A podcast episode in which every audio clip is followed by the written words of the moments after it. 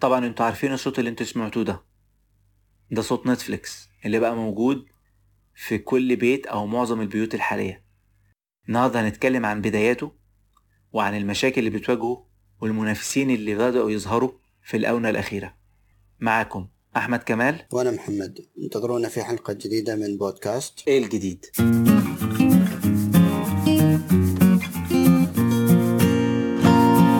سنة 97 كان في شخص اسمه Reed Hastings. كان لسه بايع حصته في شركته الأولى Pure Software لشركة أتاري. بعد ما باع الشركة ديت بتاعته بدأ يطور من نفسه في خصوص أو في مجال تطوير التعليم والمشاركة في الحملات الانتخابية. كان مأجر فيلم من أكتر شركة مشهورة في تأجير الأفلام في الزمن دوت اسمها Blockbuster وتأخر إنه يرجع الفيلم ده. دفعوه غرامة تمنها تقريبا في حدود ال 40 دولار.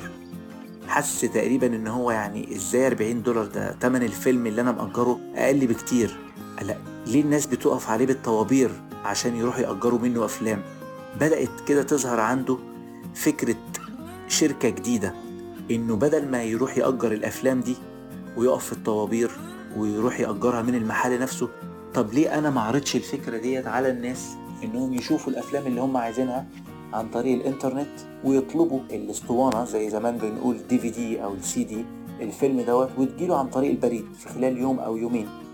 وبدأت الفكرة تت يعني زي ما تقولوا تشتغل كده في دماغه وعمل شركة نتفليكس وسماها نتفليكس لتأجير الأفلام تقريبا سنة 98 بدأ الشركة ديت في أمريكا فقط بس كانت عنده بعض المشاكل اللي كانت بتواجهه.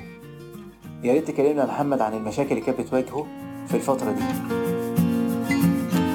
مثل أي مشروع فكرته تكون جديدة؟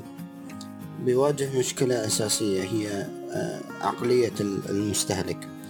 المستهلكين في السابق تعودوا أنهم يروحون مع أصدقائهم لمراكز تأجير الأفلام يشوفون المغلف مال الفيلم آه، يقرون آه، يقرون موضوع الفيلم يناقشون الفيلم بينهم بين أصدقائهم. أيوة يلا نبغي هذا الفيلم. ويوقفون طابون ويأجرونه ويروحون يشوفونه في البيت. بينما نتف...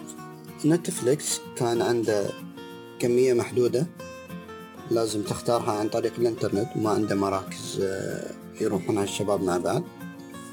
تختارها عن طريق الإنترنت يوصلك بعد يوم أو يومين مش في نفس الوقت.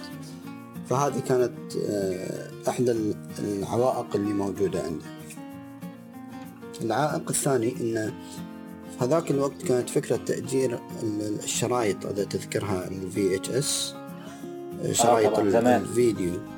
وكانت تقنية ال DVD تعتبر تقنية حديثة.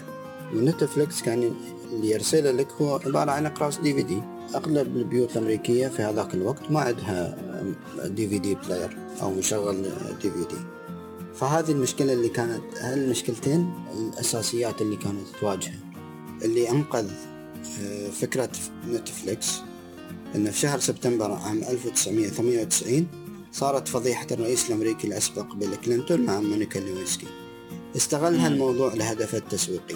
نسخ عشرة آلاف نسخة DVD من إفادة الرئيس الأمريكي أمام لجنة التحكيم. أجر القرص الواحد باثنين سنت واثنين دولار قيمة الشحن. وهالشيء اللي شوية سواله دعاية سوق نفسه من خلاله جاب له مشتركين. تمام يعني يعني الفكرة ديت هي اللي خلته تقريبا يعيد النظر في إنه مش عايز بس يأجر آه، أفلام أو يأجر آه، محتوى. بدأت الفكرة دي كمان إنه يخلي يخلي الناس تتفرج على الأحداث اللي موجودة. دي نمرة واحد. بدأ يضيف محتوى تاني غير الأفلام. بدأ ي... طبعا في الفترة ديت بدأت دخول الإنترنت وتقريبا شركة اليوتيوب بدأت بداياتها كانت في الوقت دوت. فلما اليوتيوب ظهرت وبدأ إن الناس بتستخدم الإنترنت بصفة مستمرة والناس بدأت تقعد على على الإنترنت بصفة مستمرة فقال لك بدل ما أنا أجر أفلام أنا هعمل video streaming. أنا هعرض الأفلام دي على الإنترنت بحيث إن المشاهد بدل ما يأجر ويبقى عنده الفيلم ده وتتفرج عليه مرة واحدة لا أنا هأجر هاخد اشتراك شهري من المشتركين وأخليهم يتفرجوا على الفيلم دوت في أي وقت في أي زمن. وعمل في البداية عمل إن أول شهر مجاني. ولما آه، بعد بعد ما طرح الفكرة دي في السوق لقى إن 80% من المستهلكين جددوا الاشتراك شهر التاني وبدأت شركة نتفليكس باللي إحنا شايفينه في الوقت الحالي. أنا نسيت أقول لك إن شركة الشركة اللي عملت عليه الغرامة اللي هي اللي اسمها Blockbuster لما فكره لما فكرته بدأت تنتشر في التأجير راح قال لهم ما إيه رأيكم نعمل زي ما تقولوا merge أو يعني أنتوا تستغلوني وأنا أستغلكم؟ لأن هو كان زي ما أنت قلت في مشكلته إنه ما كانش عنده محتوى كتير. كان تقريبا على ما على ما ما أنا عامل في ال search تقريبا كان عنده 900 فيلم بس حاططهم على الإنترنت عشان الناس تختار منهم يأجروهم. بس الشركة بتاعت Blockbuster دي كانت شركة عريقة قوي في تأجير الأفلام. فلما عرض عليهم الفكرة تقريبا استهزأوا بيه. قالوا لا إحنا إحنا مكتفيين وإحنا هنأجر الأفلام دي. يعني مش عايزين حد يشاركنا ولا هنشتري شركتك ولا انت تدخل معانا كشريك. لا تنسى ان وقتها مبيعات Blockbuster كانت 5 مليارات دولار. تمام. آه لأن هي كانت أكبر شركة. مبيعات نتفلكس 5 ملايين. نتفليكس كانت عارضة على Blockbuster انه يشترون 49% من نتفليكس مقابل انه يدخلون معاهم شراكة ويمولونهم. لأن كانوا محتاجين مساحات ضخمة على السيرفرات محتاجين كمية آه، أفلام ومنتجات ومحتوى. وهالشيء متوفر عند Blockbuster في نفس الوقت كانوا طمعانين إنهم يحصلون على ال domain اللي هو blockbuster.com لأن إذا حصلوا على blockbuster.com سمعة Blockbuster already موجودة في السوق الناس كلها تعرف Blockbuster وقليل اللي يعرفون نتفليكس فإذا صار هذا الاندماج بصير في صالحهم. فانرفضت الفكرة من جهة أن مبيعات نتفليكس ما كانت آه، يعني تستحق هذه القيمة في نظرهم على قد مستوى Blockbuster نعم. والنقطة الثانية أن Blockbuster كان في بالها لا يا أخي أنا عندي Blockbuster dot com صحيح ما قاعد أستخدمه لكن بستخدمه في المستقبل. أنا ليش أبيعه بهالسعر الزهيد مثلا؟ بس كغلطة زي بقية الغلطات اللي, اللي إحنا طبعا عارفين تواريخها زي نوكيا وزي وزي وزي. Blockbuster وقفت عند المجال ده. إنما نتفليكس ميزتها إنها جددت وطورت من محتواها. بدأت تدخل بدل الفكرة بتاعت التاجير بدأت تدخل ال video streaming بدخول اليوتيوب ودخول الإنترنت. بدأت ما تعرضش أفلام فقط لا ده عرضت المحاكمة بتاعت زي ما أنت قلت بيل كلينتون ومونيكا. فبدأت الفكرة دي تنتشر أكتر قال لا طب نتفليكس بتعمل محتوى جديد محتوى أنا ما شفتوش في التلفزيون طب أنا ممكن اجره وأتفرج عليه. وكان بثمن زهيد. إيه لا بدأت تحط الأفلام على الإنترنت باشتراك شهري. فبدأت هي تتطور و Blockbuster وقفت زي ما هي لغاية أما أعلنت إفلاسها. أنا عايز أقول لك بقى دلوقتي كمان رغم نجاح نتفليكس في الفترة اللي فاتت دي تشوفه بدأت تطور من نفسها بس هي وقعت في أكبر فخ ممكن أي شركة video streaming تقع فيه. اللي هو؟ اللي هو إيه؟ آه نتفليكس بدأت تشتري حقوق بث لمحتوى هي مش ملكاه. كمثال بدأت تشتري مثلا الأفلام اللي هي أكتر انتشارا المسلسلات اللي هي أكثر مبيعا أو مشاهدة عن طريق إنها بتروح مثلا للشركة اللي منتجة لهذا الفيلم أو هذا المحتوى بتدي له فلوس تقول له أنا هعرضه عندي خد الفلوس اللي أنت عايزها وأنا هعرضه عندي. طبعا من أشهرها طبعا آه، مسلسل Friends The Office الحاجات دي كلها كانت أكتر مشاهدة في أمريكا هي اشترت حقوق البث بتاعتها. وبدأت تنتشر بشكل غير طبيعي لغاية اما وصل عدد المشتركين ل 167 مليون مشترك حوالين العالم وتقدر قيمة الشركة نتفليكس ل 149 مليار. خلى بقى الشركات اللي هي بتنتج المحتوى دوت اللي هي كانت بتأجره بحقوق بثه لنتفليكس إنها تقول لا ده في ده في مجال استثماري غير طبيعي لل video streaming. فبدأت تظهر بقى الشركات ديزني بلس بدأت تظهر الشركات آبل تي في بدأت تظهر الشركات آه هولو بدأت تظهر الشركات في الوطن العربي عندنا إن هو تشاهد. بدأت قال طب ما أنا ليه أجره؟ ما أنا ممكن أعمل video streaming باشتراك أقل من نتفليكس بمحتواي أنا أنا أعرضه عندي وبخلي بدل آه المشتركين يروحوا لنتفليكس يتفرجوا عليه لا يشتركوا عندي وأفرجهم عليه وده محتواي. ده الفخ اللي وقعت فيه نتفليكس اللي بدأت دلوقتي تنتبه ليه تقريبا من سنتين بدأت اللي تعمل فيه آه، اللي هو نتفليكس original هي اللي بدأت تنتج الأفلام بتاعتها وتنتج المسلسلات الخاصة ليها لأن كل شركة بدأت تسحب منتجاتها من نتفليكس وما عادتش بتديها حقوق بث أنا عايز أقول لك بقى فين التلفزيون اللي, اللي إحنا اتربينا عليه؟ والأجيال بتاعنا و... والأجيال اللي قبلنا اتربت عليه. إحنا بنتكلم في ال video streaming وإن إحنا بنتفرج في الوقت اللي إحنا عايزينه وفي المكان اللي إحنا عايزينه سواء على الموبايل سواء على التابلت سواء على الكمبيوتر سواء على السمارت تي في طب فين التلفزيون بتاعنا؟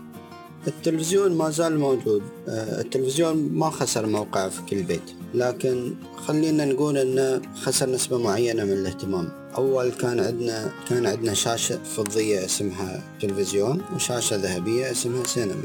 الحين صار عندنا شاشة فضية اسمها تلفزيون شاشة ذهبية اسمها سينما شاشة برونزية اسمها تلفوناتنا وعليها مختلف البرامج وال social media وبرامج الميديا المختلفة.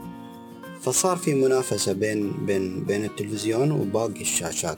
وهالشيء بسبب انه يعني بسبب طبيعة إن التلفزيون ثابت وينربط في كيبل أو في ساتلايت معين ما تقدر تتحرك فيه وإن أغلب برامجه لها وقت معين. وإحنا في زمن المرونة مثل ما يقولون والحركة الدائمه هالشيء خلى التلفزيون يخسر جزء من الجاذبية. يعني اللي خد وقت اللي خد وقت التلفزيون مننا حاجتين. أول حاجة تمام آه، آه، سرعة الحياة أو سرعة انتشار سرعة الحياة العملية وسرعه الإنترنت اللي بقت موجودة في كل بيت والدوامة اللي الواحد فيها. وتاني حاجة التليفونات وال social media طبعا زي ما إحنا اتكلمنا في حلقات قبل كده ال ال ال ال بدل ما اتفرج على التلفزيون أنا ممكن أعمل سكرول بالساعات. ما عادش فيه الاهتمام زي ما كنا متربين مثلا إن في الساعة كذا الفيلم الفلاني أو المسلسل الفلاني بنتفرج عليه في الوقت في الوقت الفلاني فكل الأسرة كانت بتتلم وتتفرج عليه أو أو أو ما عادش تقريبا أنا من وجهة نظري إحنا ما عدناش بنتلم على التلفزيون غير في حالة الماتشات تقريبا أو صحيح. الأحداث الرياضية صحيح. غير كده يا إما يا إما أنا مهتم بالفيسبوك وبال social media بتاعتي يا إما هقول إيه الفيلم ده خلاص هبقى أدور عليه في نتفليكس أو أتفرج عليه في شاهد أو أو أجيبه من على اليوتيوب واتفرج عليه. فبدأت الساعات اللي إحنا بنقضيها على التلفزيون بدأت تقل تدريجي وتقريبا في في بيوت بقت معدومة فيها ساعات التلفزيون. فعلا وهذه المشكلة اللي حلها نتفليكس أساسا. إحنا آه نذكر الناس إن نتفليكس بدأ منافس لبلوكباستر صح؟ بلوكباستر كان يأجر أفلام كاسيتات و DVD. ونتفليكس كان يأجر الأفلام على ديفيديات ما كان وقت ال TV streaming موجود لأن كانت التكنولوجيا بسيطة. في التسعينات كان الإنترنت بعده ما ما في هذيك السرعة. لسه كان بطيء. نعم ما كان في سرعة كافية إنك تقدر تعرض فيلم أو مسلسل آه، على الإنترنت. تقنيات مختلفة مش فقط سرعة الإنترنت لكن الحجم حجم أنت متخيل الفيلم كان ينحط على دي في دي يعني 4 جيجا وكذا. عشان ينعرض على. الإنترنت كان لازم يستخدمون تقنيات ضغط الصور والأصوات. هذه التقنية ما كانت متاحة إلى إلى وقت متأخر من من التسعينات. وهالشيء اللي سهل على نتفلكس إنها آه، تقدر تعرضها. واجهتهم مشاكل كثيرة في هذاك الوقت. لكن ظهور يوتيوب في 2005 والناس تعودت على شيء اسمه video sharing. تعودت على إنه والله في فيديوهات ممكن إنها تنشر أونلاين. ويمكن مشاهدتها أونلاين لأن يوتيوب اشتهر هو أن برامج التلفزيونات آه، كانوا يسووا لها copy ويحطوها أونلاين ويشاركون الناس فيها. كان موضوع الحماية الفكرية والتطبيق على الإنترنت والأمور هذه كلها.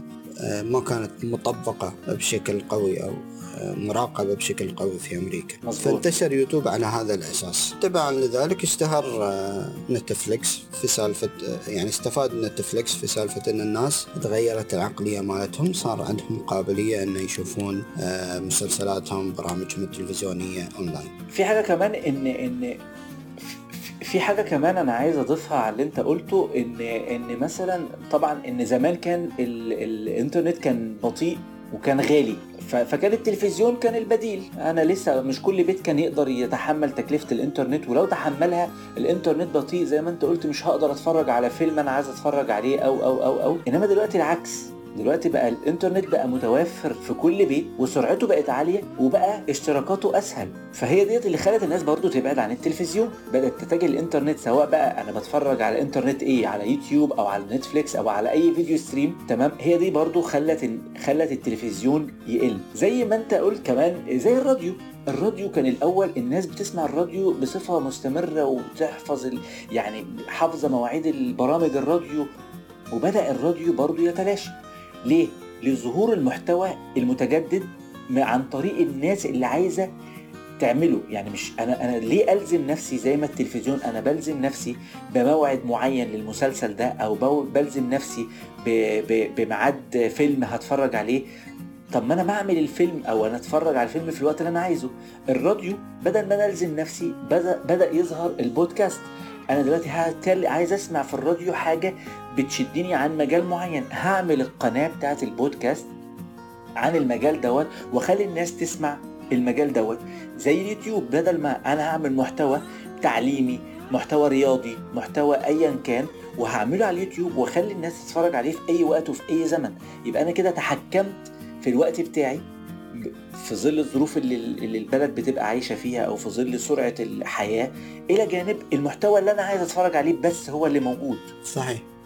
هقول لك مفارقة لذيذة قوي يا محمد. كان زمان أهالينا يقولوا لنا إيه بطل فرجة على التلفزيون. روح امسك لك كتاب اقراه أو روح مارس رياضة أو أو أو أو. دلوقتي طبعا مع انتشار الموبايلات وانتشار التابلتات دلوقتي يقول لك أنت كل حاجة دلوقتي تلفزيون. تعال اتفرج على التلفزيون يا أخي شاركنا معانا. سيب ال... سيب التابلت سيب الراديو سيب التليفون. تعال اتفرج معانا على التلفزيون. شوف المفارقة الأزمنة بتختلف إزاي والعقليات بتختلف إزاي. صحيح أنا أنا فعليا شاهد ما اشتركت فيه إلا في شهر رمضان العام الماضي. لأن أنت تعرف المسلسل 40 دقيقة ويصير ساعة وربع عشان الإعلانات اللي موجودة فيه. بالضبط آه. مرات يكون وقت التراويح ويكون وقت الصلاة ويكون مثلا تبغى تزور الأهل وأنت تبغى تشوف رامش كيف بيسوي المقلب آه بالضبط شغلة عشر دراهم تشتري راحة بالك تقدر تخصص لك ساعة أو ساعتين في اليوم تشوف لك حلقتين ثلاث ورا بعض ومشتري دماغك أما هذاك كان أنت مضطر يعني أهلي كانوا يسمون التلفزيون صنم لأنه أنت مضطر توقف قدامه تنتظر المسلسل آه. ما يخلص صحيح؟ بالضبط صح أنا مشترك أنا مشترك مشكلة. أنا مشترك في شاهد ونتفليكس و... وأبل تي في و... وأمازون برايم أنا عايز أقول لك كمان يا محمد على إن إن كمان القنوات الفضائية أو القنوات التلفزيونية بدأت تنشر المحتوى بتاعها live streaming على اليوتيوب لأن لقت إن إحنا عدد المشاهدات على اليوتيوب بقت الناس بتقعد على اليوتيوب أكتر من التلفزيون. فقالت طب وأنا ليه أخسر المشاهد دوت؟ ما دام راح هناك أنا أروح وراه. فبدأت معظم القنوات تفتح live streaming على اليوتيوب بتعرض كل المحتوى بتاعها في اليوم على اليوتيوب. في شركة الاتصالات الأمريكية اللي هي AT&T اشترت حقوق البث بتاعت أو ما فبدأت القناة ديت مملوكة لشركة اتصالات بدأت تعمل streaming فبقت دلوقتي معظم الشركات. طبعا إحنا مش عايزين نتكلم على ديزني بلس لأن ديزني بلس ديت عملاق لأن هي تقريبا عندها استوديوهات والت ديزني تحت منها. تمتلك خمس قنوات فضائية. تمتلك أكبر مجموعة أفلام حققت إيرادات على على مستوى العالم. لما ديت تروح لل live streaming يبقى تعرف إن الاستثمار أو إن التلفزيون بينتهي. أو تعرف إن الاستثمار كله رايح دلوقتي للمجال ده. لأنه بيدفعوا مليارات. أنا نتفليكس دفع السنة اللي فاتت 12 مليار بس عشان تحاول تعمل محتوى. والسنة دي بيقول لك هنوصل ممكن ل 15 مليار عشان نجدد محتوانا لأن بدأت الشركات زي ما قلنا في أول الحلقة بسحب المحتويات بتاعتها من نتفليكس. إلى جانب بقى إن إن إن التلفزيونات الجديدة اللي بتتباع في السوق يا محمد اللي هي بيسموها smart TV تحس إنك أنت أساسا لما بتدخل بينزل لك ال applications بتاعت إيه؟ نتفليكس وامازون برايم by default. إنك أول ما تفتح التلفزيون يسوي لك إغراءات بالظبط. يعني, يعني حتى ال smart TV هي بتنزل لك البرامج دي في الأول عشان لانهم عارفين إن استخدامات المستهلك دلوقتي أو المشاهد للاثنين دول. بتنزل لك الفيسبوك. الفيسبوك دلوقتي ال live ال live الفيسبوك أو الإنستجرام بقى بيشد الناس أكتر من أنا التلفزيون. أنا ممكن أتفرج على live مثلا حد من المشاهير عامل ساعتين live بيرد على أسئلة المتابعين ليه وأسئلة الناس وبيرد عليهم أحسن ما يروح برنامج ويستضيفوه ويحط ويقعد عندهم ويبقى أنا بقى متحدد بالساعة اللي هيستضيف فيها النجم دوت أو اللعيب الكورة دوت أو المشهور دوت. لا أنا دلوقتي المشهور بيفتح ال live بتاعه وعدد مشاهدين غير طبيعي. فالعالم كله اتجه لهذا المجال. صحيح. غير أن التقنيات اللي موجودة في التلفزيونات تغيرت وتطورت بشكل كبير. يعني على أيام ال smart TV ما كان في wireless كان لازم أنت توصل الكيبل. الحين صار في wireless فسهولة الوصول للإنترنت سهلت عملية إن الواحد يشترك. ما يقول أوه تعال بمدد أنا كيبل من المكان الفلاني للمكان الفلاني. شو اللي بصدعة الراس هذه؟ أما wireless ال system جاهز عندك. وكان full HD والحين صار 4K ونزل 8K بس بعده بسعر غالي. آه. مش متوفر كثير في السوق. أصلا ال 4K content بعدها مش متوفرة بشكل كبير آه، على الإنترنت أو للتأجير أو كذا. يمكن بس نتفلكس اللي عندها محتويات 4K وحتى مش على الاشتراك البسيط يمكن على الاشتراك prime صحيح؟ صحيح على الاشتراك بس ال prime بس. وفي كمان ميزة محمد على إن نتفليكس أو ال أو ال الشركات بتاعت ال live streaming لما بتيجي تنزل المسلسل يعني أو الفيلم طبعا الفيلم من غير إعلانات أو المحتوى كله من غير إعلانات دي نمرة واحد. نمرة اتنين إن المسلسل لما بتيجي تنزله بتنزله كامل. يعني زمان كنا الواحد بيستنى الحلقة من من الأسبوع للأسبوع أو من اليوم لليوم. إنما الميزة بتاعت نتفليكس إنها بتنزل لك الموسم كامل. تقعد تتفرج عليه فبيخليك دايما متواصل معاهم أو دايما فاتح نتفليكس بتتفرج على المسلسل عايز تخلصه. هذه ميزة حلوة في نت لاحظتها أنا في نتفليكس إذا أبغى أشوف مس... يعني موسم كامل مثلا يعطيني option إني أقدر أسوي skip لمقدمة المسلسل. آه. مجرد سويت skip مرة واحدة هو يعرف إن أنا عندي رغبة إني أتابع على الحلقات الثانية ورا بعض. ما يضيع وقتك يوفر عليك وقت المقدمة ووقت آه الانتظار. طب إيه التصور المحتمل بقى لتلفزيون المستقبل؟ هل فعلا التلفزيون هيقدم الشيء اللي أنا عايزه؟ على حسب الطلب يعني هل هنقدر نشوف في المستقبل القنوات بتقدم المحتوى اللي بيطلبه المشاهد؟ زي نتفليكس مثلا هل مثلا هل أنا أقدر أطلب مثلا من قناة فضائية أنا عايز أشوف في الوقت الفلاني المسلسل الفلاني بدون إعلانات؟ هل ده ممكن يتحقق في المستقبل؟